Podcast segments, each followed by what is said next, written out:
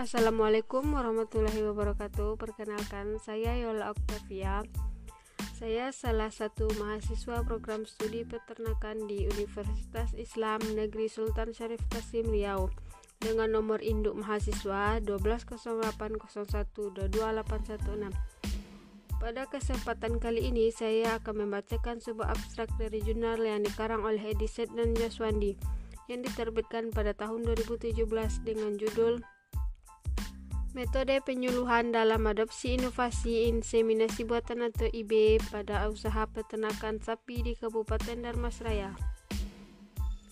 Penelitian ini dilakukan di wilayah Kabupaten Darmasraya, Provinsi Sumatera Barat. Tujuan dari studi ini yaitu A. Metode penyuluhan dalam adopsi inovasi inseminasi buatan atau IB pada peternakan sapi di Kabupaten Darmasraya.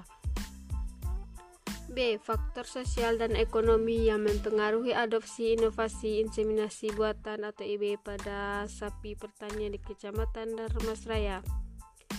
Penelitian ini menggunakan metode survei dan pendekatan analisis data sekunder.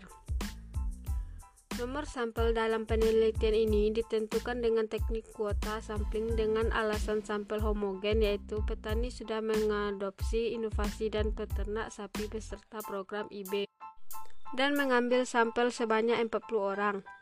Data yang dikumpulkan adalah data primer dengan kebutuhan bantuan kuesioner dan data sekunder dengan studi literatur dan instansi terkait analisis deskriptif terhadap data kuantitatif yang dihitung dengan menggunakan skala Likert NS.